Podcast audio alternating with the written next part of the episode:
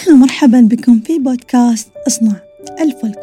لأن الكون يمشي بنظام كوني محدد ومرتب هناك الكثير من القوانين الكونية تساهم في ذلك ببساطة. فهمك لهذه القوانين وتطبيقها بالطريقة الصحيحة السليمة يساهم في بناء حياة مليئة من التجليات والخير الكثير.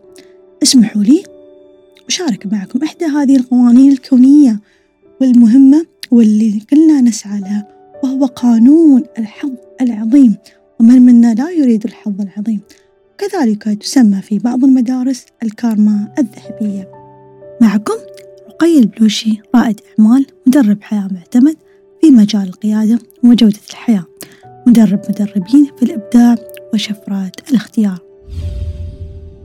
في البداية ما مفهوم الحظ بالنسبة لك أنت بالذات هل تشوف نفسك محظوظ؟ وما هي معادلة الحظ يا ترى؟ وهل الحظ رزق أم مكتوب من الله ولا يمكن تغيره؟ أم هي صدفة لا لك الخيار فيها؟ لماذا يقال دائما بأن فلان محظوظ وفلان غير محظوظ؟ سواء آمنت بذلك أم لا، سواء اقتنعت بذلك أم لا، لكنك في الحقيقة محظوظ في هذه الدنيا، لذلك لا تسأل الله الحظ بس بل اسأله الحظ العظيم في الدنيا والآخرة. طبعا ما هي هذه الخلطة وكيف يمكن أن تحصل عليها لتكون من أصحاب الحظ العظيم؟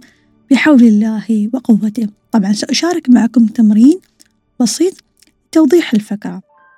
التمرين بيكون كالتالي. تأخذ ورقة وقلم وتراقب أحداثك. راقب كل الأحداث التي حصلت معك في الشهر الماضي أو الشهر السابق. في الورقة الأولى راح تكتب بس الأحداث الجميلة السارة الخيرة اللي حصلت معك. الورقة الثانية راح تكتب العكس الأحداث السيئة الغير سارة اللي حصلت معك. وبعدها ستلاحظ أنك كتبت الأشياء السلبية أكثر من الإيجابية. هذا الشيء جدا طبيعي فلا تقلق لأنها برمجة عقل تحدث دون وعي منك. لكن في الحقيقة الأشياء الجميلة لو ركزت عليها راح تكون في الحقيقة أكثر من الأشياء الغير السارة. قال الله سبحانه وتعالى في كتابه وما يلقاها إلا الذين صبروا وما يلقاها إلا ذو حظ عظيم. الحظ العظيم أحبتي في القرآن مقرون بالصبر يعني المطلوب منك السعي والعمل والصبر على النتائج. فهو يعتمد كثيرا على سلوك الشخص سلوكك واللي بيصنع لك الحظ في الدنيا بإذن الله تعالى. سأشارك معك تمرين توضيحي أكثر بعد تأكيد هذه المعلومة. طبعا التمرين هذا راح يكون خلال يومين. اليوم الأول راح تبدأ بيومك بنقد عالي لكل شيء من حواليك وتشوف كل شيء سلبي وتكره كل شيء. هكذا تبدأ يومك. بتلاحظ خلال اليوم توالي الأحداث السيئة خلال اليوم كامل. في النهاية يوم ما راح تشوف نفسك إلا من أصحاب الحظ السيء. اليوم الثاني تسوي عكس الشيء. تبدأ صباح الخير بالشكر والامتنان لله سبحانه وتعالى على كل نعمه. تشكر الله فضله على الأشياء البسيطة وكل ما تشوف شيء خليك ممتن وشاكر له. وراح تشوف خلال اليوم بأنك استمتعت بيوم جميل مليء بالحظ الجميل. طبعا نسمع كثيرا يقولون البعض يقول ما عندي حظ. زين شو الحل معاهم؟ كيف يمكن أنت بالذات تبني نفسك حظ عظيم؟ وكيف تكون بالأخص من أصحاب الحظ العظيم؟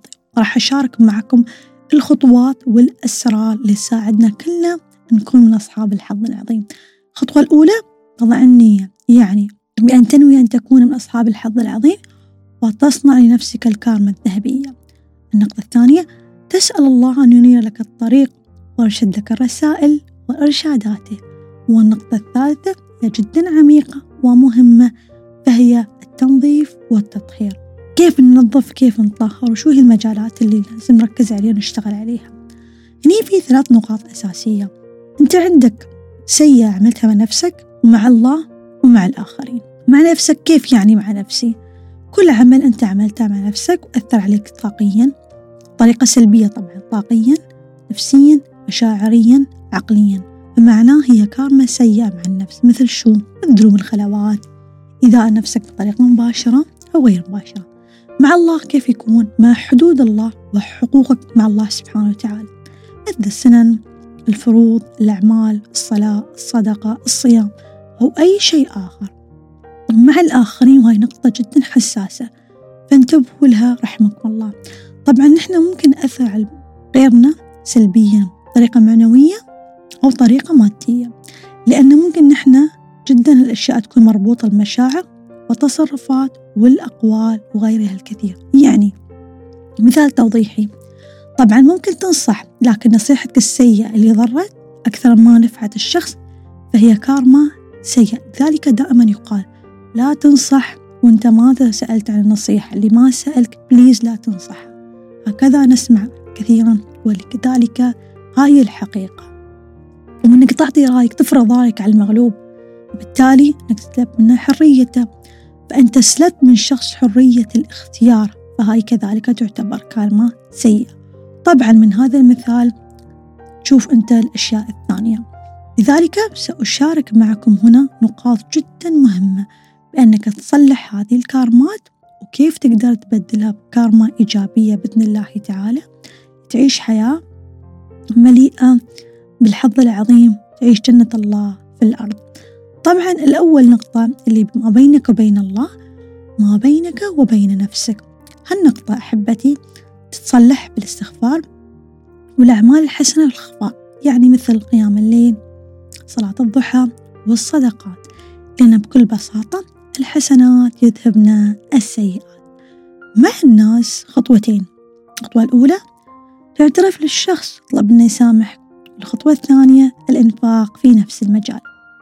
لو أخذنا الخطوة الأولى اللي هو الاعتراف للشخص وطلب التسامح منه. طبعا التذكر طلب المسامحة يكون شيء صعب على الكثير. وعند الأغلبية. وفي مواضيع تكون خلاص أغلقت. إني أنا أفتح مواضيع وملفات وأشياء يكون حل ربما معقد.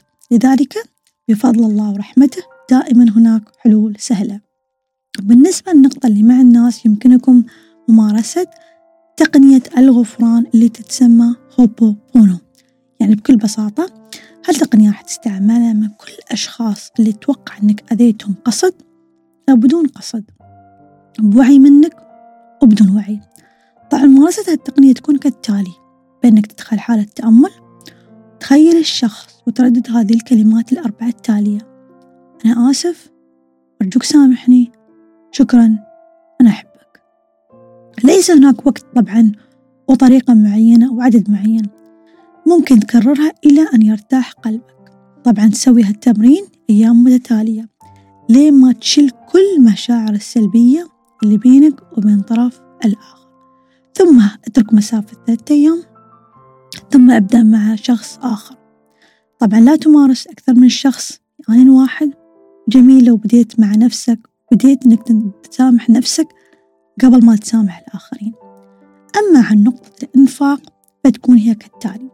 تجلس في مكان مع نفسك تتذكر كل الأشياء اللي تتوقع أنك ممكن أذيت فيها. واكتب قائمة بالكارمات السلبية اللي سويتها مع الآخرين. واسأل الله الوضوح والتيسير في هذا الشيء. وسهل الموضوع حط النية وانطلق. اعمل على ما تذكرته. ما في داعي تعقد الموضوع ولا تجهد نفسك وقت طاقتك يعني ببساطة. أخذت من إنسان حريته تنفق في الحرية. وإذا أعطيت نصيحة سيئة عليك المقابل تعمل نصيحة طيبة أو عمل طيب. للتوضيح خليني أعطيكم مثال توضيحي في الحياة. نصيحتك أفسدت زواج أحدهما أو أدى إلى انفصال أو نفور بين الطرفين أو أكثر. بالتالي كيف تعدل الكارما؟ تنفق تصير تعطي صدقة وتعطي مساعدات للمقبلين على الزواج وهكذا.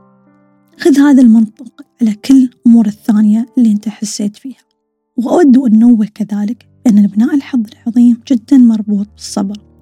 زين ما من الصبر هني؟ وشو مفهوم الصبر الحقيقي؟ هل يعني أنا أصبر الأذى والإهانة وغير الأشياء طبعا لا. ببساطة الصبر هنا معناه سعي والعمل المستمر والجهد. طبعا تذكر في نقطة وايد مهمة في الصبر أن الصبر وأساس بوابة التمكين في الأرض. من جمال ورحمة الله بنا بأنك ما تأخذ كرمات أهلك يعني الوالدين والأجداد فلا تدخل في الدوامات اللي يقولون لك نظف كرمة الأجداد ونظف كرمة الوالدين. أنت فقط هنا تسدد فاتورتك أنت وليس الآخرين. انتبه رحمك الله. في الختام أنوي لك اليوم وكل يوم الحظ العظيم والكارما الذهبية فأنت تستحق جنة الله في الأرض قبل الآخرة. راجع أنفاقك راجع فواتيرك. انفق صح تعش صح وتبني لنفسك الحظ العظيم.